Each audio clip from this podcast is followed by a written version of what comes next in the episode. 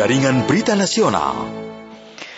Dan sesaat lagi kami akan ajak Anda untuk menyimak ya dialog layanan kesehatan COVID-19 kerjasama uh, Fakultas Kedokteran Universitas Indonesia dan Radio Republik Indonesia atau RRI di mana kita masih uh, akan bicara tentang COVID dan juga uh, seputar kesehatan olahraga. Tema yang kita angkat untuk pagi ini adalah tetap aktif selama isoman. Jadi kalau di antara pendengar pada pagi ini masih ada yang isoman, masih ada yang melaksanakan isolasi mandiri dan masih dalam proses pemulihan untuk menunjukkan negatif COVID, nah tentu isoman pun juga harus tetap aktif. Kita akan membahasnya dalam dialog layanan kesehatan bersama dengan Dr. Nora Sutarina, spesialis kesehatan olahraga dari FKUI. Berikut ini. Dialog Kesehatan. Selamat pagi, Dr. Nora. Ya, selamat pagi, Mas Arief. Iya, terima kasih banyak waktunya, dokter. Ini uh, tetap aktif selama isoman. Artinya, ketika seseorang menderita COVID dan harus isolasi mandiri, tidak boleh hanya berdiam diri saja begitu ya, dokter ya. Apa ya. hal yang mungkin bisa dijelaskan sebagai latar belakang dulu, dokter? Ya, baik. Uh, terima kasih, Mas Arief, uh, atas kesempatannya. Selamat pagi, salam sehat untuk pendengar Pro 3. Ya. RRI Pro 3. Ya. Uh, sebelumnya saya ingin menjelaskan mengapa sih kita harus hidup aktif. Hmm. Ya, gaya hidup aktif itu menjadi salah satu anjuran dalam gaya hidup sehat. Nah, gaya hidup aktif sudah terbukti dapat menurunkan resiko terhadap penyakit tidak menular, seperti penyakit kardiovaskuler, yaitu penyakit jantung dan hipertensi, kemudian penyakit metabolik, yaitu kelebihan berat badan, obesitas atau kegemukan, dan diabetes mellitus tipe 2. Kemudian juga dapat menurunkan risiko terhadap penyakit otot dan tulang, yaitu kita kenal sebagai osteoporosis dan osteoartritis. Lalu juga penyakit paru menahun, yaitu bronkitis kronis dan asma serta beberapa, eh, menurunkan beberapa risiko penyakit kanker seperti kanker usus besar dan payudara. Dan yang penting, Mas Ari, pada saat ini kita uh, isunya adalah peningkatan angka kejadian mental health, ya hmm. bermasalah pada ke, ke apa uh, kesehatan mental pada masa pandemi ini. Nah itu juga uh, hidup aktif ini dapat menurunkan risiko itu. Selain itu juga bergaya hidup aktif juga dapat meningkatkan imunitas. Nah, karena itu uh, gaya hidup aktif ini perlu diterapkan baik dalam kondisi sehat maupun dalam kondisi isolasi mandiri. Nah, ya. perlu, diket, perlu diketahui Mas Arief dari hasil Riskesdas 2018 itu 26,1 persen penduduk Indonesia itu kurang aktif. Hmm, iya iya. Kan. Mungkin ini ya generasi mager atau malas gerak ya. Mungkin semoga itu berkurang ya angkanya ya Mas ya, ya. ya. Oke, okay. ya. tapi sebagai pengetahuan nih Dokter Nora, sebenarnya yang namanya aktif itu bentuknya seperti apa sih? Kan orang kan selalu mengasosiasikan aktif itu oh berarti harus olahraga nih, ada waktu khusus untuk olahraga pagi atau mungkin ditambah dengan sore. Aktif ini yang seperti apa, Dokter? Nah, bergaya hidup aktif itu adalah gini. Jadi awalnya saya ingin menjelaskan mengenai aktivitas fisik itu apa sih? Hmm, hmm. Aktivitas fisik itu adalah aktivitas yang dilakukan uh, dan melibatkan otot-otot besar tubuh, hmm. yaitu otot-otot lengan atas, badan tubuh, dan otot tungkai. Dan ini memerlukan energi. Yeah. Nah ini uh, aktivitas fisik ini dapat berupa apa saja yang uh, kalau dikatakan uh, tingkatnya itu yang yang sedang adalah uh, membutuhkan energi, satuan energi yang kita sebut match itu 3 sampai 6. Nah, itu seperti boleh melakukan kegiatan uh, rumah tangga, ya seperti mengepel, menyapu, kemudian mencuci mobil, nah, itu hmm. dikatakan aktivitas fisik. Oh, okay. Nah, latihan fisik atau yang uh, biasa orang awam menyebutkan olahraga itu adalah bagian dari aktivitas fisik namun yang dilakukan secara terstruktur dan terencana. Jadi ada empat tuh, ada empat komponennya yaitu uh, frekuensinya dalam seminggu kita melakukan berapa kali. Kemudian intensitasnya yang terdiri dari ringan, sedang, berat. Kemudian durasinya berapa lama dan jenisnya. Jenisnya itu apa? Jadi jenisnya uh, jenis olahraga yang bersifat aerobik atau daya tahan dan kekuatan otot atau kelentukan dan keseimbangan. Demikian. Hmm, yeah. Nah, kalau uh, fokus pada yang isoman atau isolasi mandiri saat ini karena terkena COVID, baiknya aktifnya yang mana? Aktif yang tadi berkegiatan seperti kegiatan-kegiatan rumah tangga tetap bergerak begitu atau memang harus ada olahraganya yang secara terukur dan terstruktur tadi? Ya, jadi kembali dari kondisi awal uh, individu yang melakukan isolasi mandiri uh, apabila uh, iso, apa kita tahu bahwa isolasi mandiri itu dilakukan oleh individu dengan gejala tanpa gejala atau gejala ringan. Nah, itu kondisinya adalah apabila dengan gejala ringan uh, dengan demam atau batuk, yang terutama demam itu perlu uh, perlu diperhatikan bahwa tidak melakukan olahraga yang tadi sifatnya latihan fisik yang berat, hmm. yang ringan sampai berat, yang ringan yang apa yang sedang sampai berat, namun yang ringan saja.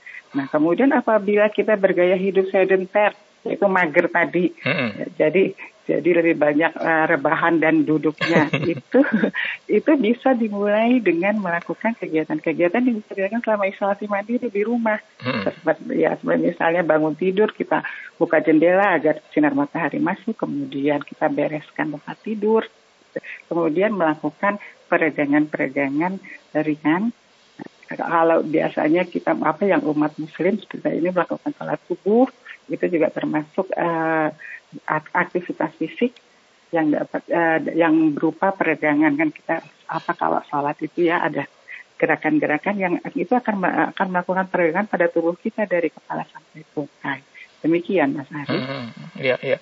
Jadi sejujurnya kalau kita bergerak gitu ya dok ya, uh, dengan kegiatan-kegiatan rumah tangga, mengepel, mencuci mobil, apalagi mobilnya dua gitu ya, itu sebenarnya hmm. sudah banyak yang kita keluarkan nih untuk membuat tubuh kita menjadi gerak dan bugar. Ya. Betul ya dok ya? Uh, ya untuk kebugar untuk bugar itu memang perlu di apa di, di ada ada pakem-pakem ada uh, komponen-komponen yang perlu uh, ada komponen-komponen yang perlu dilihat hmm. melalui uji-uji tertentu. Namun uh, dengan kita uh, aktif saja gitu ya itu sudah memberikan manfaat. Nah, kalau yang tadi kegiatan rumah tangga itu kita biasa disebut dengan non-exercise physical activity. Mm -hmm. Jadi kalau exercise itu kan latihan fisik ya atau yeah. olahraga. Gitu, Oke. Okay non exercise uh, activity. Physical activity. Physical activity ya. Jadi nah, uh. Uh, kita uh, undang pendengar sekarang untuk bisa bergabung. Siapa tahu ada yang sedang isoman dan kemudian butuh uh, masukan dari narasumber kita, Dr. Nora Sutarina, spesialis kesehatan olahraga. Boleh Anda manfaatkan 021 384 4545 dan 021 352 3172 atau 0213866712 ya. Silakan Anda bertanya langsung dengan Dokter Nora. Siapa tahu Anda sedang isoman, kemudian apa sih yang harus saya lakukan ini dok? Uh, misalnya ini kalau Anda ingin berolahraga tapi badan masih terasa lemas. Atau kalau Anda mau berolahraga tapi ternyata masih ada panas ya atau menggigilnya sedikit gitu. Nah kalau yang dengan gejala-gejala ringan seperti ini masih ada demam dikit-dikit, kemudian masih ada rasa kurang nyaman begitu ya dok ya, itu artinya sebenarnya uh, sebaiknya memang tidak olah uh, tidak berkegiatan fisik dulu ya, uh, misalnya masih ada menggigilnya atau masih badannya masih anget-anget begitu. Sebaiknya bagaimana dok? Ya memang e, dikatakan juga bahwa baik baik apa namanya e, tidak menderita COVID atau COVID itu uh, adalah demam itu demam dan masalah ada masalah kesehatan dianjurkan untuk tidak melakukan latihan fisik. Mm-hmm. Nah kita bisa melihat mungkin para pendengar bisa membuka sekarang gampang sekali ya membuka apa uh, uh, internet lihat website ada yang namanya uh, Physical Activity Readiness Questionnaire. Nah itu PARQ. Di situ ada komponen-komponen pertanyaan apakah kita sudah siap untuk melakukan latihan fisik atau olahraga apabila belum siap ada ada masalah yang harus ditangani terlebih dahulu dipersilakan untuk mengunjungi dokter klarifikasi atau clearance-nya. Hmm. Ya. Hmm. Oke, kita ke Pak Udin dulu di Boyolali. Pak Udin, selamat pagi. Selamat pagi, Assalamualaikum warahmatullahi wabarakatuh. Waalaikumsalam Pak Udin. Iya Bapak ya. Arif. Silakan Bapak pertanyaannya. Spesialis kesehatan olahraga apakah kalau isoman bisa beraktivitas seperti biasa itu dapat disimpulkan bahwa COVID-19 bukan penyakit kronis tapi mematikan. Demikian terima kasih. Assalamualaikum warahmatullahi wabarakatuh. Waalaikumsalam warahmatullahi wabarakatuh. Kalau orang isoman bisa melakukan aktivitas fisik seperti biasanya, apakah COVID itu tidak disebut sebagai penyakit kronis tapi mematikan? Mau tanggapannya nih dokter, mungkin ada jawaban. Ya, agak sulit ya pertanyaannya, hmm. jadi apakah ini mematikan? jadi memang uh, uh, kita tidak tahu perjalanan penyakit dari dari apa COVID-19 ini. Nah, apakah nanti akan bertambah ringan atau bertambah berat. Nah, uh, latihan fisik atau atau bergaya hidup aktif ini memang dikatakan uh, dalam penelitian itu belum pasti bahwa dapat melawan melawan dari COVID-19 ini. Namun uh, dengan bergaya hidup aktif diharapkan bahwa metabolisme dari tubuh kita ini akan berjalan optimal bahkan maksimal kemudian juga mempengaruhi mental dan imunitas kita. Nah, diharapkan dengan peningkatan imunitas ini kita dapat uh, bertahan terhadap uh, COVID bahkan dapat uh, apa dapat sembuh dari penyakit COVID ini. Jadi begitu Pak. Memang hmm. perlu penelitian lebih lanjut apakah uh, dengan kebugaran yang tinggi atau apa latihan fisik yang dilakukan itu dapat melawan COVID. Hmm, hmm, hmm. Ya, oke. Okay uh, Dr. Nora Sutarina SPKO atau spesialis kesehatan olahraga dalam narasumber kita untuk pagi ini dan kami juga mengundang pendengar untuk bergabung melalui 021 384 4545 atau 021 352 3172 Ya, tema kita tetap aktif selama isoman. Jadi selama isoman itu kalau memang sudah tidak ada merasakan gejala-gejala yang muncul seperti misalnya e, badan yang demam ya, kemudian kita masih lemah gitu, Eh, sebaiknya memang sudah mulai melakukan aktivitas fisik begitu ya, aktivitas fisik atau non exercise fisik uh, activity. Nah, ini harus dilakukan dan termasuk juga kalau memang sudah siap ya bisa bisa olahraga ya, Dok ya. Ini misalnya uh, bukan squat jam ya namanya, tapi dengan beban berat badan kita kemudian kita naik turun naik turun begitu, push up gitu. Boleh nggak, Dok ya? Ya, uh, ini nanti bergantung dari kondisi awal sebelum kita ter, uh, apa melakukan isolasi mandiri Mas Arif. Hmm. Jadi memang apabila kita terbiasa hidup aktif dan melakukan kegiatan-kegiatan tersebut ya silakan apabila tanpa gejala. Uh, nah, itu nah uh, mungkin juga ini sulit menerapkan saat isoman itu untuk melakukan aktivitas sebelum seperti sebelumnya. Hmm. Jadi mungkin uh, apa dikurangi 50 persennya dengan harapan nanti setelah tidak apa setelah tidak melakukan isoman lagi itu dapat terkejar tuh aktivitas fisik yang sebelumnya dilakukan. Mm-hmm. Nah, namun, namun apabila kita mager itu akan sulit ya. Jadi uh, kebugaran akan ter, uh, akan dapat turun. Uh, kemudian untuk mengejarnya kembali setelah kita melakukan isoman itu uh, ya ya butuh usaha yang lebih kuat. Mm-hmm. Oke, apa yang dokter Nora biasanya sampaikan kepada pasien dokter ketika misalnya uh, oh yang bersangkutan ini pasien memang butuh namanya aktivitas fisik atau harus aktif orangnya. Apa dok yang memotivasi uh, atau kalimat motivasi untuk pasien misalnya supaya orangnya bisa nggak mager gitu, bisa tergerak untuk kemudian memulai. Iya. Ya, baik. Terima kasih Mas Arif. Nah, biasanya saya itu menyampaikan bahwa itu perilaku mager itu juga uh, apa namanya uh, dapat menimbulkan risiko uh, meningkatkan risiko terhadap uh, angka kesakitan tadi penyakit-penyakit yang sudah saya sampaikan dan bahkan kematian. Oh. Nah, karena karena itu WHO me, apa, me, mencetuskan uh, gerakan untuk hidup aktif ini. Nah, itu uh, gerakannya adalah apa uh, dengan tagline every move counts. Hmm. Gitu. Jadi semua gerakan itu dihitung dan itu akan bermanfaat untuk kesehatan kita. Nah kemudian uh, start low go slow. Jadi bertahap, kita hmm. mulainya dari hmm. yang ringan saja kalau yang sedenter ya. Kemudian nanti bertahap ditingkatkan pelan-pelan. Nah yang sedenter ini, nah, itu adalah yang biasa hidup dengan uh, berbaring atau duduk. Nah ada tingkat tingkatannya nih Mas Arief yaitu yang tingkat sedenter ringan itu apabila dalam kesehariannya itu duduk atau berbaringnya itu kurang dari dua jam. Hmm. Selain tidur ya. Nah, yeah, kemudian yeah kalau yang tingkat sedang itu 2 sampai 5 jam. Hmm. Kalau yang yang itu yang tingkat sedenternya tinggi yaitu lebih dari 5 jam dalam sehari. Jadi para pendengar dapat itu ya menilai diri sendiri. Hmm. Wah ini dalam sehari saya berapa jam duduk. Kalau misalnya seperti saya penyiar nih, 4 jam duduk hmm. gitu kan? Ya. Bahkan setelah siaran mungkin masih ada uh, bikin berita katakanlah begitu kan masih duduk lagi nih. Bahkan mungkin tujuh jam ya. kali ya. Itu gimana dok? Nah ini karena karena harus berhadapan seperti Mas Arief ini ya harus uh, screen time-nya tinggi ya dalam kesehariannya. Nah itu kan ada teknik khususnya yaitu strategi khususnya ketika setiap, setiap setengah jam itu uh, melakukan gerakan stretching atau kita langkah di tempat juga bisa kan ya Mas Arif ya? oh. melangkah di tempat gitu sambil bersiaran yeah. itu tentu tidak terganggu. Oke, okay. berapa menit dok? Uh, itu setiap setengah jam kita iya, stretching. Kita ya. Uh -huh. Berapa menit? Selama 10 menit dikatakan selama 10 sampai 20 menit itu melakukan itu itu akan apa bermanfaat untuk masalah untuk mengendalikan masalah kesehatan. Oh, waduh. Nah, kemu kemudian juga ini Mas Arief, jadi yang berbaring dan duduk itu adalah aktivitas sedenter. Nah, kamu yang berdiri itu lebih uh, lebih apa uh, baik daripada duduk dan rebahan. Sehingga Mas Arief dapat itu melakukan screen time dengan berdiri. Oke, okay, jadi saya siaran sambil berdiri gitu ya? Ya, itu boleh. Setelah itu pindah lagi duduk lagi. Nah, itu akan lebih oh, bermanfaat. Oke. Okay.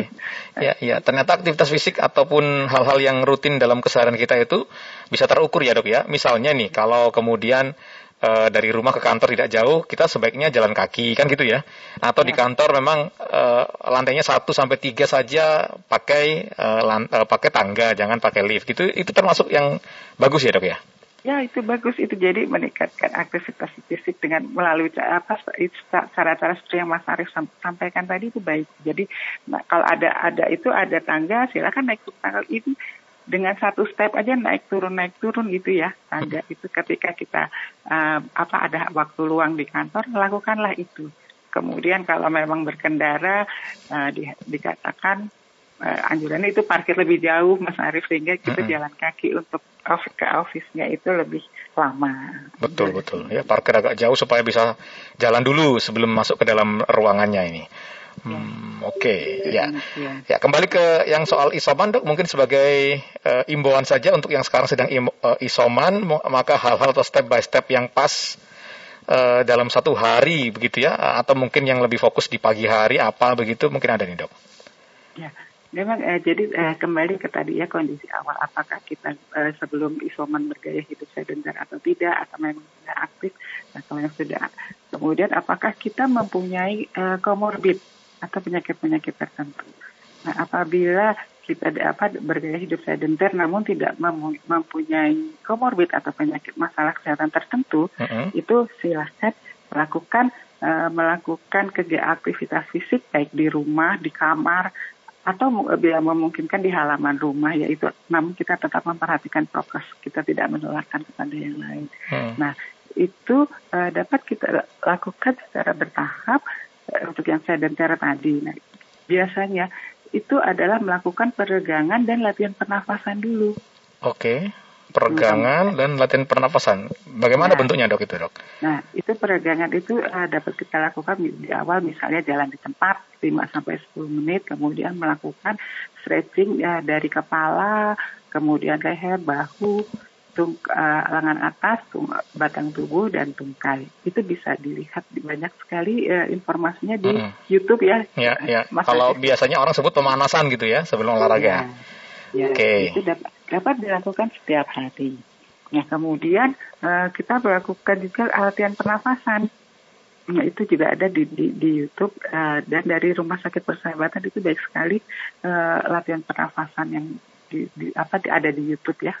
Itu saya sudah melihat dan baik sekali dan diterapkan juga di pasien-pasien yang dirawat di rumah sakit. Nah, kita juga dapat menerapkan itu di saat kita melakukan isolasi mandiri. Hmm. Nah, yang perlu diperhatikan ini adalah gini, uh, kalau, nah ini masalahnya adalah kalau uh, tidak ada gejala itu silakan. Nah, tidak ada gejala itu adalah apa? Yaitu frekuensi nafas yang kita bisa tahu ya dari dari apa dari uh, awam dari kita apa dari masyarakat bahwa frekuensi nafas itu yang normal 12 sampai 20 per menit. Mm -hmm. Nah, kemudian kita tidak punya gejala-gejala seperti tadi ya gejala ringan uh, atau uh, gejala ringan yang spesifik dan yang non spesifik. Yang spesifik itu adalah yang apa demam, batuk, kemudian uh, nyeri nyeri dari otot ya. Nah, yang non spesifik itu adalah uh, tenggorokan sakit, kemudian hidung terasa panas, ya, hmm. kemudian pusing, yeah. mual, muntah, diare, nah itu. Jadi itu kalau gejala-gejala itu tidak ada, silahkan dimulai. Nah, kemudian kalau yang tadi sudah uh, melakukan aktivitas fisik dengan baik, nah itu silahkan melakukan uh, latihan fisik itu di yang memungkinkan ya Mas Arif ya yang dilakukan di rumah maupun di uh, ruangan ya di ruangan di rumah di kamar atau di ruangan di rumah seperti jalan kaki, mundar mandir di dalam kamar atau di rumah ya itu jalan di tempat juga baik. Nah, kemudian latihan kekuatan yang tadi Mas Arif sampaikan kekuatan dan dengan tubuh sendiri misalnya sit up, push up, sit and rise. Jadi duduk hmm. kemudian berdiri itu kan akan menguatkan tungkai. Okay. Namun diperhatikan mulainya dengan bertahap.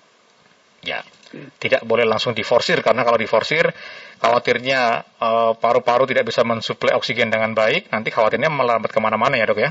Iya, hmm. ya kemudian kan COVID ini dikatakan dapat apa menimbulkan peradangan pada otot jantung ya, nah, hmm. itu jadi dari paru-paru ke jantung, jantungnya bekerja keras, tidak boleh diforsir. Ya. Jadi akan malah bermasalah. Malah akan bermasalah kalau diforsir dan kemudian ya. tidak mengukur dirinya. Ya, ya. Nah, kemudian Mas Arif apabila kita memiliki komorbid seperti penyakit-penyakit yang tadi saya sampaikan itu ya jantung, diabetes mellitus, kebuka gemukan, ada osteoporosis atau osteoartritis, uh, itu sebaiknya konsultasi dulu ke dokter. Dan mudah ya sekarang melakukan telemedicine, kemudian uh, apakah dia clearance dari dokter itu sudah didapatkan sehingga kita dapat mulai berlatih. Ya, baik. isoman. Terima kasih banyak dokter untuk penjelasannya. Semoga bermanfaat untuk mendengar di rumah dan uh, yang mungkin sekarang hanya uh, gejala ringan bahkan atau tanpa gejala dan sedang isoman untuk menuju ke negatif. Nah, jangan malas-malas untuk bergerak karena gerak itu punya manfaat yang begitu luar biasa. Oke, dokter terima kasih banyak untuk waktu dan penjelasannya. Terima kasih, Baik. selamat pagi dan salam sehat, salam tangguh dok. Ya, salam sehat, salam tangguh untuk Sarif dan pendengar Pro 3. Terima kasih. Terima kasih dokter, dokter Nora Sutarina, spesialis kesehatan olahraga. Ya, kalau ngomong soal mager ya semua orang akan mager, tapi ternyata tidak perlu sampai harus keluar ruang Ternyata di dalam kamar saja dengan kita bergerak ya, jalan di tempat 5 sampai 10 menit itu juga termasuk bagian dari gerak. Atau mengerjakan pekerjaan-pekerjaan rumah tangga, mencuci mobil, ngepel itu juga termasuk bergerak. Dan itu penting ternyata untuk kesehatan kita. Indonesia menyapa siang.